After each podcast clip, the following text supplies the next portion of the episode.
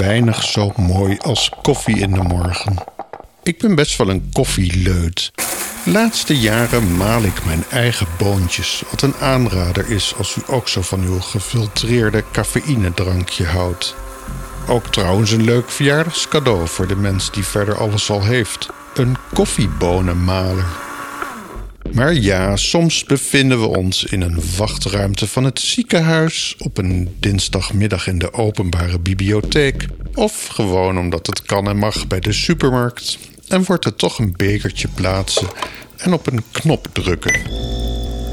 Daar druppelt ons bakje troost in een bekertje. De grote vraag is alleen: was dat de laatste druppel? Kunnen we het bekertje. Ah, toch te ongeduldig geweest. En was dit dan de laatste druppel? Ja, u denkt misschien: waar gaat dit heen? Wat heeft dit met astronomie te maken? Yes. Maar geen nood, dat wordt allemaal duidelijk. Oké. Die laatste koffiedruppels die in uw beker vallen volgen een numerieke functie. Het is al te verleidelijk om te beweren dat dat een exponentieel verloop is, maar ik weet niet of dat wel klopt. Ik zat het te simuleren in Max, dat is een programmeertaal, met behulp van easing-functies. Gets easier all the time. En alhoewel het druppelen erg goed klinkt als we het exponentieel laten aflopen, zou het ook nog wel kwadratisch of kubisch kunnen zijn. We horen dat effect ook wel eens in huis als de centrale verwarming speelt met houten planken. Toen wij in mijn jeugd als gezin in Groningen woonden in de Kattenhagen, in een bijzonder oud huis, luisterde ik in bed wel eens naar dat aflopende getik om te wachten tot het moment dat die laatste tik voorbij was. Dat riep onwillekeurig de enigszins filosofische mijmering op hoe kun je zeker weten dat dit echt de laatste tik was? Hoezo zou er niet over, zeg, 100 jaar nog een tik komen? Met die anticipatie voor een tik die misschien nooit komt, verwijden we onze blik naar dit heelal. Space. We gaan ervan uit dat het heelal niet altijd zo is geweest als het nu is. Dat weten we zelfs vrij zeker. Echt waar? 13,8 miljard jaar geleden, toen alles wat we nu kennen nog op elkaar gepakt zat tot iets wat maar een fractie van het huidige heelal was, waren de temperaturen en energieniveaus dusdanig hoog dat er geen sprake was van de natuurkunde zoals wij die nu kennen. Een van de belangrijkste bevindingen met het oog op de column die u nu hoort, is het idee dat de vier fundamentele natuurkrachten die wij vandaag onderscheiden, op dat moment nog één geheel waren. Die vier fundamentele natuurkrachten zijn in volgorde van zwak naar sterk de zwaartekracht, de zwakke kernkracht, elektromagnetisme en de sterke kernkracht. Hoe zo'n gecombineerde kracht er in de praktijk uitziet, is nog een raadsel. I don't know. Vooral ook omdat ons denkraam werkzaam is in een heelal waarin die vier fundamentele natuurkrachten onderscheiden van elkaar werkzaam zijn. Als we denken aan een heelal waarin geen zwaartekracht werkzaam is, dan valt alles wat we prettig en bekend vinden in elkaar. Maar er wordt wel al decennia gewerkt aan een Grand Unification Theory of Gut. Als ik dat zo tussen neus en lip beweer, dan is het makkelijk om te denken: nou, dat zal dan wel. En zoiets te vereenzelvigen met mensen die voor een schoolbord vol met belachelijk ingewikkelde formules staan. En deeltjesversnellers waarmee experimenten worden ondernomen die voor ons gewone stervelingen niet te volgen zijn. Maar het is mijns inziens aardig één onderdeel van dit alles wat beter te begrijpen. Dat is goed. We concludeerden al dat die vier fundamentele natuurkrachten ooit één oerkracht waren. Natuurkundigen denken dat zwaartekracht als eerste loskwam van die oerkracht. Toen de sterke kernkracht en dat tot slot elektromagnetisme en de zwakke kernkracht van elkaar loskwamen. En dat laatste is iets wat in experimenten kan worden gesimuleerd. Dat kan je je toch niet voorstellen? In een deeltjesversneller zoals die van CERN kunnen elektromagnetisme en de zwakke kernkracht tijdelijk gecombineerd worden tot iets wat we zwak elektromagnetisme zouden kunnen noemen. Dit alles vindt plaats bij temperaturen vanaf 10 tot de 15e Kelvin. Iets wat in een deeltjesversneller bereikt kan worden. Wie al langer naar mijn praatjes luistert, weet dat er een hele reeks van exotische objecten in het heelal kan worden aangetroffen op plaatsen waar zware sterren zijn overleden. Hoe meer massa de originele ster had, hoe groter de kans op een zwart gat. Maar in dat schemergebied waar de massa niet toereikend is voor een zwart gat, kunnen neutronensterren, kwarksterren en zelfs elektrozwakke sterren ontstaan. Is althans de theorie.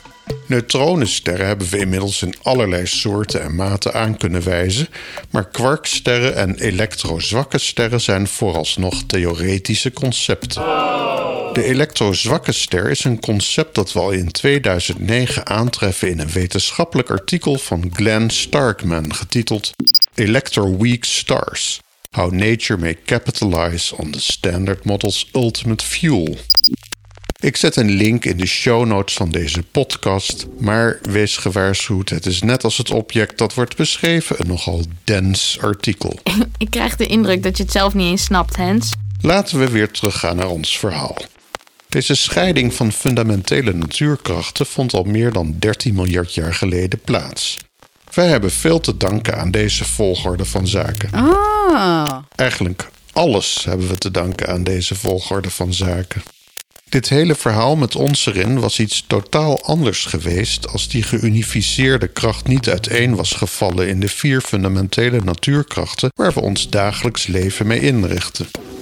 Zonder die krachten hadden we niet eens moleculen gehad, dus laat staan kerstcadeautjes of vuurwerk. Dit alles brengt sommige natuurkundigen tot de enigszins beangstigende vraag: wie zegt dat dit de laatste keer was dat deze krachten uiteenvielen? En daarmee zijn we eindelijk bij de connectie met onze druppelende koffiemachine. Zijn wij in afwachting van nog een herverdeling van fundamentele natuurkrachten? En zo ja, wanneer vindt die plaats en wat zullen we daarvan merken? Oh dear. Anders geformuleerd, hoe stabiel is het huidige vacuüm van het heelal dat wij kennen? Was het opsplitsen van de elektrozwakke kracht in elektromagnetisme en de zwakke kernkracht ultiem, in dat er geen lager energieniveau kan worden bereikt?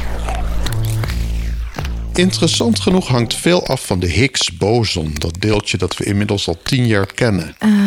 Wat was ook alweer die Higgs-boson? Dit is Dr. Hens. In het standaardmodel van de deeltjesfysica onderscheiden we bosonen en fermionen. Fermionen hebben een halftallige spin en bosonen een heeltallige spin. Elk subatomair deeltje is of een boson of een fermion. Fermionen zijn de bouwstenen van materie. Bosonen zijn de dragers van krachten tussen fermionen. De Higgs-boson geeft deeltjes massa. Natuurkundigen gaan ervan uit dat in het complete heelal een Higgsveld werkzaam is. De manifestatie van het geven van massa aan een fermion is wat we kortstondig waarnemen als een Higgs-boson. Did you see it? Dus waar het Higgsveld constant bestaat, maar voor ons niet zichtbaar of meetbaar is, manifesteert het zich wanneer een fermion interactie heeft met dit veld in de vorm van een Higgs-boson. Het fermion krijgt dan massa. In het jonge heelal, kort na de oerknal, was er mogelijk al wel een Higgsveld, maar hield het zich gedijst. Dit gaf vrij baan aan de elektrozwakke kracht van toen. Maar toen het heelal genoeg wijd verspreid en afgekoeld was, werd de interactie van deeltjes met het Higgsveld een feit. Een situatie die al die miljarden jaren sindsdien niet veranderd is. Door het Higgs-boson te wegen en te vergelijken met de massa van andere deeltjes, kunnen wetenschappers iets zeggen over de stabiliteit van de separatie van de elektrozwakke kracht. De conclusie van berekeningen waar we ons niet eens aan hoeven te wagen, is dat het huidige heelal niet stabiel, maar metastabiel is. Dat is niet het beste nieuws om dit jaar mee af te sluiten. Een stabiel heelal heeft geen kans uiteen te vallen in een nieuw krachtenspel. Maar een metastabiel heelal houdt die deur nog op een kiertje. Dat is gelukkig voor ons iets heel anders dan een onstabiel heelal. Maar toch.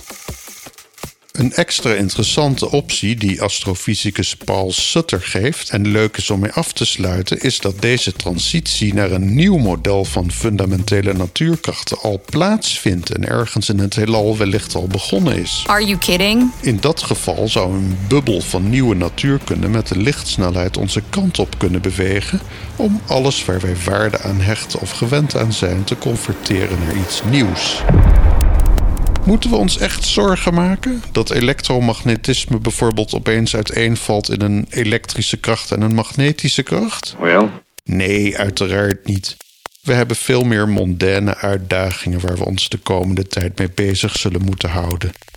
Voor nu gewoon aan de oliebollen met poedersuiker en hopen dat 2023 ons vrede brengt. Oplossingen voor langlopende uitdagingen, begrip voor elkaar ook als die ander echt een sukkel is en een heleboel goede koffie. Tot volgend jaar.